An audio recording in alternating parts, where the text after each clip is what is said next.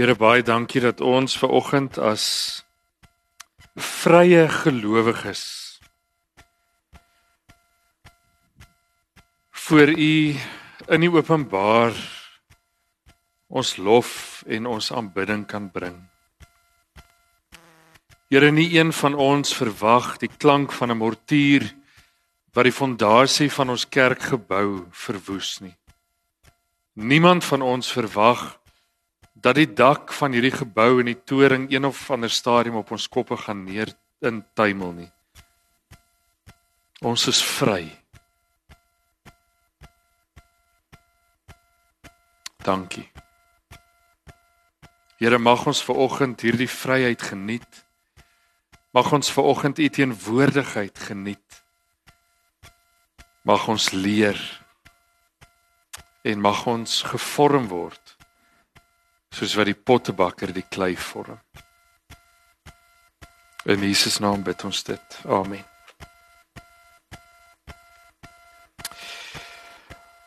Ons het verlede week begin met 'n fokus op deugde. Christelike deugde. En die vrug van die Gees, maar nie noodwendig die waarvan ons alreeds in die skrif lees nie. Maar vrug van die Gees wat ons as gelowiges vandag moet dra ter wille van die koninkryk. Verlede week het Nadia gepraat oor veerkragtigheid. En vandag kom ons by betroubaarheid. En ons gaan 'n paar woorde gebruik en ek besef al die woorde is nie noodwendig sinonieme nie en hulle betekenis is nie noodwendig 100% dieselfde nie. Ek dink amper nie ons gaan hulle regtig met verantwoordelikheid as wisselterme kan gebruik nie. Maar ek gaan tog die woorde so bietjie vermeng. Wanneer dit kom by betroubaarheid wil ek vir oggend 'n paar skerry statistieke deel. En hierdie statistieke gaan baie spesifiek oor wanneer ons jok wanneer ons 'n leuen vertel. Elke liewe mens, selfs Christene, vertel ten minste twee blaatante leuns per dag. Dit sluit nou vir my en vir jou in. Is dan ja, moenie jou kop so skud nie. Daar jok nommer 3 vir jou. Die middelgemiddelde mens vertel tussen 2 en 10 leuns 'n dag. Kinders begin op die ouderdom van 2 jaar al jok. Op die ouderdom van uh waar het ek daai statistiek gesien? Op die ouderdom van 8 is hulle professioneel daarmee. Ekskuus, die ouderdom van 4. Ouderdom van 4 is hulle professionele leenaars. Dan vir die interessant vir die interessante interessantheid vir wie jok ons die maklikste? As hy presies uitgevang 89% van mense sê hulle jok die maklikste vir hulle ouers. 75% van mense sê hulle jok die maklikste vir hulle vriende. 73% jok die maklikste vir hulle sibbe hulle boeties of sissies. En 69% van mense jok baie maklik vir hulle lewensmaat. Spiekie skerry. Kom ons kyk gou 'n bietjie na die tipe leuns. 10% van leuns is exaggeration. Wat is 'n mooi woord daarvoor? Vergroting, oordrywing. Dankie. 10% van die leuns wat ons vertel is oordrywing ek het so vis gevang. Ons het 'n slang in ons erf gehad. Julle daai slang was net so lank. Maar in die tussentyd was dit 'n molslangetjie. 60% van leuns gebruik ons om mense te mislei. So om hulle net so bietjie om die waarheid te lei. 20% van dit wat ons jok het te doen met 'n grappie of 'n 'n poets wat ons iemand bak. 13% van mense jok om hulle self beter te laat lyk as wat hulle regtig is. 14% van mense jok om hulle self te beskerm. 11% van mense jok om ander te beskerm. En dan die interessante en ek het dit natuurlik heeltemal verwag, ek het nie gedink dit sal enigsins anders wees nie, is die feit dat mans en vroue eweveel jok. So die kort van die lank, die kort en die lank van die saak is of jy dit nou vanoggend wil erken of nie. Ons almal pleeg een of ander vorm van jok of dit nou 'n klein wit leentjie is om iemand net om die waarheid te lei en of dit 'n blaatante leuen is om jouself uit die moeilikheid uit te hou. Ons almal jok en jok het te doen met onbetroubaar wees. En ek dink ons gaan vandag meer fokus op onbetroubaarheid en betroubaarheid. As ons dit nou moet opsom, hoekom is dit so dat ons leuns vertel, dat ons jok, dat ons mense mislei, dat ons oordryf. Met ander woorde dat ons nie 100% die waarheid vir mense leef nie. Hoekom is dit so? Eerstens doen ons dit om konflik te vermy. En dis drie van die groot redes. Ons doen dit eerstens om konflik te vermy. So jy word betrap of jy word uitgevang of jy kom agter iemand begin agterkom waarmee jy besig is en dan vertel ons 'n leentjie of ons mislei iemand so bietjie om die waarheid sodat ons nie gekonfronteer word nie dat ons konflik vermy.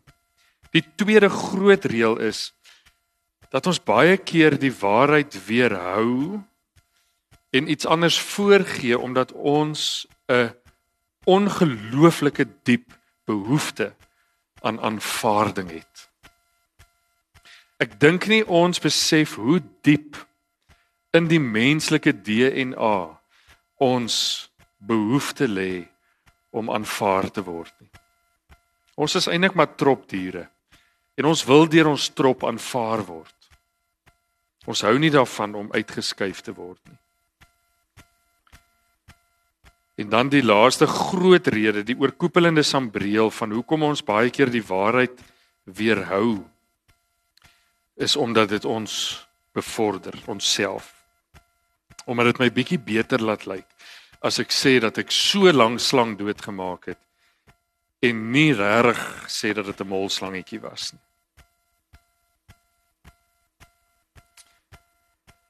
Die gevaar hiervan is dat dit jou baie maklik op 'n baie ongemaklike deel van die anatomie kan beet kry. 'n Vrou gaan na 'n slaghuis toe en sy sê sy wil 'n heel hoender koop. En die slagter haal die laaste hoender uit. En hy sit die hoender op die tafel op die op die skaal neer en die hoender weeg X en hy sê vir haar hierdie hoender weeg X. Sy sê o nee nee wag dit is bietjie te duur. Ehm um, hy moet vaar kyk vir 'n kleiner hoendertjie. Maar dis sy laaste hoender, hy wil nie hierdie deal verloor nie. En hy sit die hoender terug en hy grawe kamstig hier onder in die yskas en hy haal presies dieselfde hoender uit. En hy sit hom neer op die skaal, maar hy druk hom hier waar sy nie kan sien nie met sy duim so bietjie. Of hy lig hom met sy duim 'n bietjie. En hy weeg toe nou aansienlik ligter. Sy sê o nee, wag man. Dis reg, ek sal sommer al twee vat in daai geval.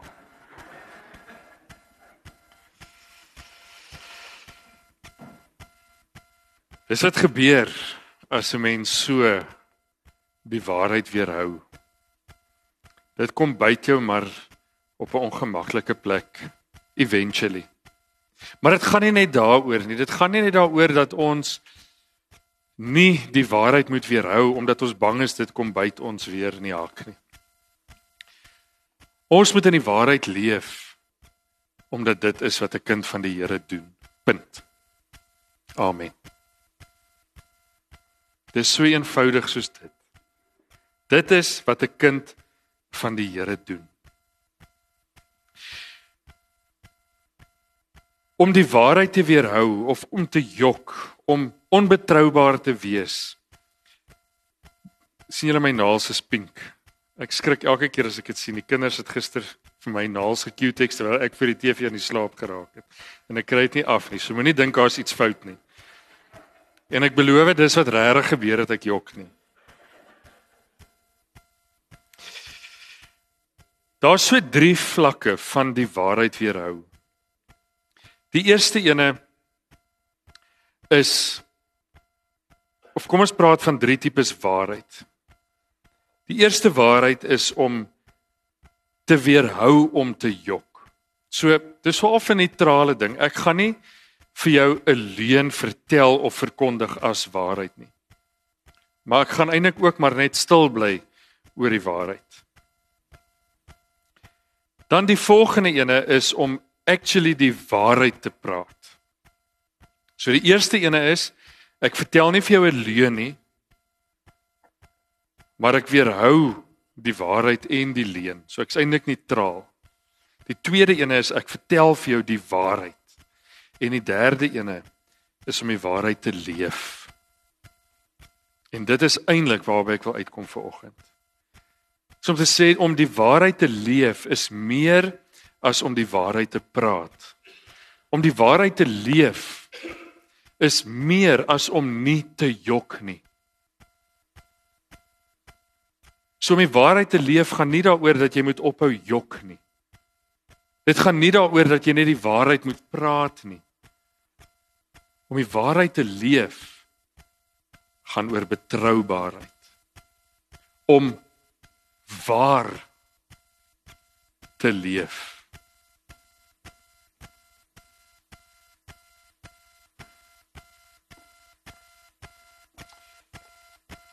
Hoe doen 'n mens dit?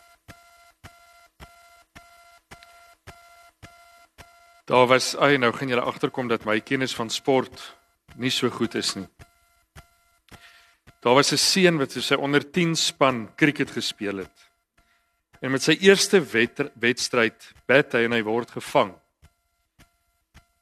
Maar die umpire sê dis nie uit nie. En die seun gaan toe na die umpire toe en hy sê vir hom: "Hoorie, dit is eintlik uit. Hy het my bat getref." En die umpire sê: "Ek waardeer jou eerlikheid" en hy verander toe dit dat hy wel uit is. 'n Paar weke later speel hierdie selfde seun weer 'n cricketwedstryd en is dieselfde umpire. In dieselfde situasie speel hom af. Hierdie keer sê die umpire dis uit. En toe hy dit sê, toe sien hy hoe hierdie seun se gesig val. En hy gaan na die seun toe en hy sê, "Wat nou?" En die seun sê vir hom, "Oom, die bal het nie my bat getref nie, hy het net my pads getref." En onmiddellik verander die umpire daardie besluit weer na dit is nie uit nie. En die ander span is toe natuurlik verskriklik kwaad vir die umpire en hulle gaan na hom toe en hulle sê, "Weet hoe hoe kan jy dit doen? Hoe kan jy gaan op wat hierdie ouetjie vir jou sê? Hier's nie 'n TV waarop jy kan kyk nie." En die umpire verduidelik en hy sê, "As hierdie seun met die vorige wedstryd die waarheid kon vertel, moet ek hom nou ook glo." En die vorige keer toe hy die waarheid vertel het, natuurlik was dit ten koste van homself. So as hy dit kon doen, moet ek hom nou ook glo. Net 'n ander verhaaltjie wat vir my so kosbaar is en dan gaan ons ons teks lees. 'n Seentjie speel op die strand en daar kom 'n tannie aangestap en hy stap na die tannie toe en hy sê tannie, "Kom jy Sondag in die kerk?" Sy sê ja. Hy sê tannie sing jy Jesus liedjies? Sy sê ja. Ja ja. Sy sê tannie bid jy vir Jesus? Sy sê ja. Hy sê tannie so so so jy's 'n Christen. Tannie sê ja my kind, ek is 'n Christen. En die seentjie sê tannie, sal jy asseblief my bril en my speelgoed hou dat ek in die see kan gaan swem? Dis waar ek en jy moet wees. Daai kwalifiserende vraag. Die seentjie wil net weet is hierdie tannie 'n Christen? En toe hy nou oortuig is daarvan hierdie tannie is 'n Christen, toe maak hy in sy koppie die is gelyk aan tussen Christen en betroubaar. So ek kan hierdie tannie vertrou met my speelgoed en my bra.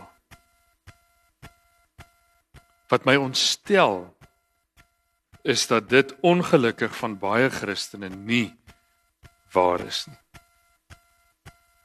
Of nie genoeg waar is nie. En nou is die vraag maar hoe hoe kry ek dit reg om soos hierdie tannie te wees? Hoe kry ek dit reg om soos hierdie cricketspeler onder 10 te wees? Onder 10 cricketspeler te wees. Nommer 1 As ek en jy moet besef hoe belangrik dit vir God is. As ons kyk na die 10 gebooie, weet ons daar sekere van daai gebooie wat natuurlik baie belangriker is as die ander is, nê? Nee. Soos jy mag nie moord pleeg nie. Wie van julle het al 'n moord gepleeg? Niemand nie. Wie van julle het al gesteel, 'n kar gesteel of by 'n huis ingebreek en gesteel? Niemand nie. Wonderlik. Wie van julle het al so bietjie vals getuienis gelewer? Die 9de gebod. Ons gaan nie opsteekie. Maar ons almal het. Al is dit net op 'n ligtelike manier. Die 9de gebod. Maar jy sien die 9de gebod is nie so belangrik nie. Dis daarom nie soos moordpleeg en, en steel nie. So dit is oukei. Okay. Nee. Ek onthou ek het eendag vir 'n kind gesê ek het uitgehelp by 'n skool vir 'n week. En een van die kinders wat toe toetsie moet skryf jok toe. En ek vra toe vir hom: "Dink jy dit is oukei okay om te jok?" Trek hy sy skouers net so op. Ek sê maar okay, ek het vir jou 'n plan. Ek gaan nou gou kom bys toe, dan haal ek vir jou mes. Dan wys jy vir my wie in hierdie skool hou jy nie van nie. Dan gaan steek ons hom gou dood. Haai meneer, nee nee nee nee nee. Dis presies dieselfde. Hoekom gaan jy so te keer as ek vir jou sê om iemand dood te maak? Maar jy is bereid om te jok.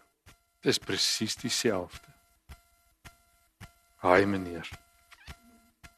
Hoor gou hoe voel God hieroor. Genesis 18 van so van vers 20 af lees. Ek gaan uit die 2020 vertaling lees. Die Here sê toe: Dit gaan oor Sodom en Gomorra. Die hulpgeroep oor Sodom en Gomorra is werklik groot en hulle sonde is werklik uitermate swaar. Ek wil afgaan en kyk of wat hulle gedoen het volledig ooreenstem met die noodkreet oor die stad wat tot my gekom het en indien nie dan wil ek dit weet. Die manne het daarvandaan weggedraai en na Sodom toe gegaan, maar Abraham het nog voor die Here bly staan. Abraham gaan toe nader en vra: "Gaan u werklik regverdiges saam met die goddeloses verdelg?"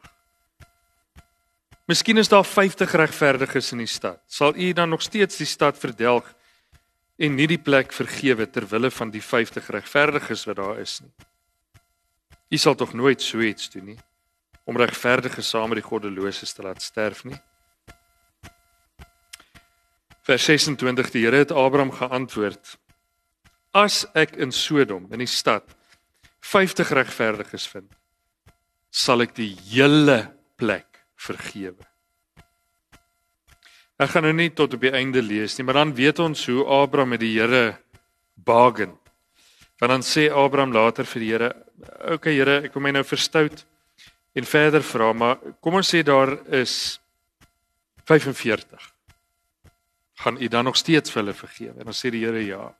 En so bring Abraham hierdie getal af. 30, 35, 25 en so gaan Abraham af af af af af. En dan kom hy op 'n punt vers 32. Here, moet tog nie kwaad word nie. Ek wil nog net die keer praat. As daar in die stad 10 gevind word. Die Here het gesê ter wille van die 10 sal ek dit nie verdelg nie. Sodom en Gomorra wat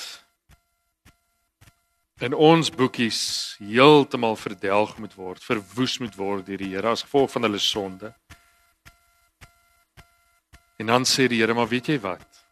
As daar in hierdie som totaal van goddeloosheid 10 mense, twee hande vol mense is wat regverdig is,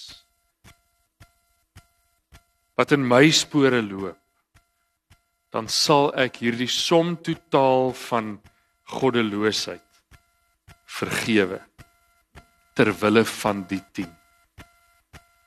En dit sê vir ons iets van hoe sterk die Here voel oor mense wat regverdig lewe. Mense wat mooi harte het. Mense wat in die waarheid leef. Ons lees dit later in Jeremia ook. Gaan sommer net een vers daar lees. Soortgelyke situasie. Jeremia 5 vers 1: Deur kruis die strate van Jerusalem. Kyk tog rond en let op. Soek op haar pleine of jy iemand vind. Of daar iemand is wat reg doen. Wat na betroubaarheid soek. En dan sal ek die stad vergewe. Gaan deur die Here Jerusalem, so groot stad. As daar een persoon is wat betroubaar is, wat regverdig is, sal ek die stad vergewe. Dit is hoeveel gewig betroubaarheid regverdige mense, mense wat in die waarheid leef by die Here dra. As ek en jy dit kan onthou, onsself gedurig daaraan kan herinner dat dit is hoe swaar dit vir God weeg dat ek betroubaar moet wees, dat ek regverdig moet wees, dat ek waarheid moet leef, sal dit my motiveer om dit tog te doen. Die tweede ding wat ek en jy kan doen is om te besef dat ek en jy ter wille van die koninkryk ter wille van die koning wat ek en jy aanbid se koninkryk die plig het om in die waarheid te leef. Nie ter wille van my nie. Nie ter wille van die mense rondom my nie. Maar ter wille van God se koninkryk wat gekenmerk word deur waarheid. Dink 'n bietjie terug aan ervarings wat jy al in jou lewe gehad het. Waar iemand bo verwagting so eerlik was. Die waarheid op die tafel kom sit het. So betroubaar was en hoe 'n indruk dit op jou gemaak het. Ek onthou onlangs in verlede week het ek op 'n parelgroep gesien ehm um, waar 'n taxi drywer 'n foto gepost het van 'n selfoon en gesê het ek kan nou nie die dame se naam onthou nie. Ehm um, sê nou maar mevrou Antjie wat ook al, Viljoen, jy het jou selfoon vanoggend in my taxi vergeet. Ek het dit by my kontak my asseblief by hierdie nommer en ek sal dit vir u terugbesorg. Dit gee my soveel hoop. Wanneer 'n taxi bestuurder iemand se foon vir hulle teruggee. Hoe klein is dit? Maar die impak in terme van hoop wat dit vir ons gee is huge. Kan jy dink as ek en jy soos daai taxi drywer elke oomblik van elke dag kon wees en ons plig op ons kon neem en oral waar ons gaan in die waarheid geleef het die volle waarheid. Niks anders is die waarheid nie. En ons kon deur hoe ons leef sulke oomblikke skep waar hoop vir die wêreld en vir die toekoms net so uitgegiet word op mense omdat daar Christene is wat betroubaar is. Tannies wat Christene is wat op die strand loop en 'n klein seentjie wat haar vertrou genoeg vertrou met sy sê sy is 'n Christen. Een ek en jy moet besef hoe geweldig dit belangrik dit is vir God. Hoeveel dit weeg. Dis nie 'n ligtelike ding nie. Tweedens dat ons ons plig sal opneem om betroubare mense te wees en dan dit te geniet wanneer die waarheid seëvier. Nou daar kan ek nie namens jou praat. Ek kan namens niemand anders praat nie. Maar ek was al in my lewe in 'n situasie waar ek die keuse moes maak, gaan ek jok? Gaan ek die waarheid so bietjie weerhou? Gaan ek net stil bly en hoop die storm gaan lê? En baie keer het ek verkeerde keuse gemaak. Maar ek moet vir julle sê, die kere wat ek die regte keuse gemaak het en die waarheid gepraat het en die waarheid geseëvier het, was daardie gevoel wat 'n mens beleef onbeskryflik. Ja, al het jy pak slaag gekry daarvoor.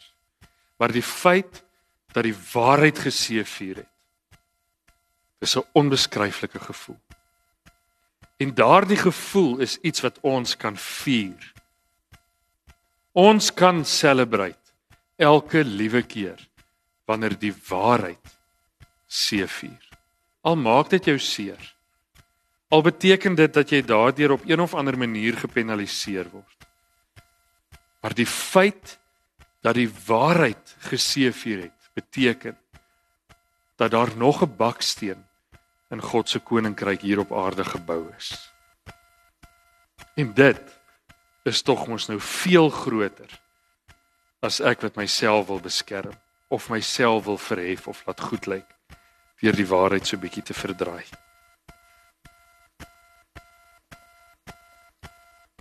Om in die waarheid te leef beteken om betroubaar te wees. Om 'n mens van jou woord te wees. Om te doen wat jy moet doen. Om jou verantwoordelikhede na te kom. Om die waarheid op die tafel te sit wanneer die waarheid deur 'n groep mense onder die tafel gehou word om in die waarheid te leef beteken om te erken wanneer jy 'n fout gemaak het dit is vir God ongelooflik nee, nie ongelooflik nie, onbeskryfbaar belangrik dat ons dit doen. En ek beloof vir jou as ons dit kan regkry om regtig in die waarheid as betroubare mense te leef, gaan hierdie wêreld verander. Van die status quo van die wêreld is die teendeel van dit. Ons word belieg Ons word bedrieg. Kom ons kry die wêreld weer aan die lewe deur in die waarheid te leef. Al moet jy die punch vat. Al moet jy jou ego bietjie seermaak deur die waarheid op die tafel te sit. In terme van die koninkryksprentjie is dit uit en uit en uit die moeite werd. Here, ek dink een ding wat ons so min besef is dat U nie net die waarheid praat nie of dat U aan ons die waarheid openbaar nie. Wanneer dit kom by U en waarheid is daar 'n isgelykant tussen julle. Want U is die waarheid. So Here, wanneer ek in die waarheid leef, dan leef ek Christus vir die wêreld. As ek in waarheid leef en betroubaar is, 'n mens van my woord is, dan stap ek binne die voetspore van God. Here as daar so bohaai kan wees op sosiale media byvoorbeeld oor 'n taxi drywer wat net iemand se foon vir hulle terugbesorg. Hoe groot bohaai gaan daar nie wees wanneer ons as gelowiges in alles wat ons doen in die waarheid operate nie. Die impak van die waarheid is so groot Gee Here dat ons hierdie plig om in die waarheid te leef, om betroubaar te wees, mense van ons woord te wees, dat ons dit sal opneem. Dat ons dit nooit sal afskakel by skakelaar nie. Want ons weet daardeur Here getuig ons lewens van U en U koninkryk. Want dit getuig oor waarheid en U is waarheid. Daarom getuig dit oor U.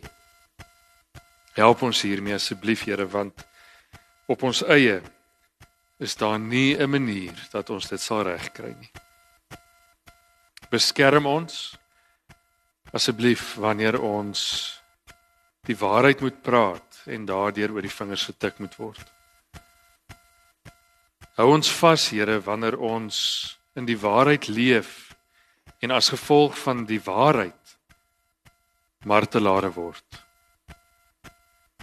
Ter wille van U sal ons dit doen. Amen.